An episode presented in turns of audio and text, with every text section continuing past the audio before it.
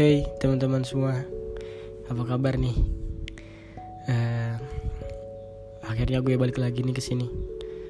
Podcast yang udah lama gue tinggalin dan akhirnya memilih untuk kembali lagi buat sekedar luangin waktu ya berbagi cerita-cerita kecil lah di sini dan gue yakin cerita-cerita itu nanti semua bakal relate ke teman-teman semua dan oh iya yeah.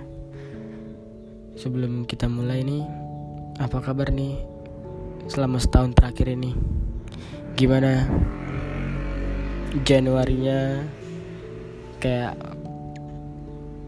dari setahun terakhir kemarin yang penuh konflik ini itu segala macam dan sampai pada titik kita ngelewatin awal Januari akhir Januari. Dan sekarang udah hampir di pertengahan Februari. Kita semua tahu kalau Januari sekarang tuh jadi kayak bulan yang paling sendu bagi orang-orang. Kayak segala hal dari yang kecil sampai yang besar dari konflik-konflik biasa sampai yang luar biasa semua kita lewatin di Januari. Kayak ada orang yang berusaha mengikhlaskan melepaskan sesuatu yang bahkan belum pernah benar-benar dia genggam gitu. Dan banyak juga yang kayak kehilangan harapannya sendiri di Januari.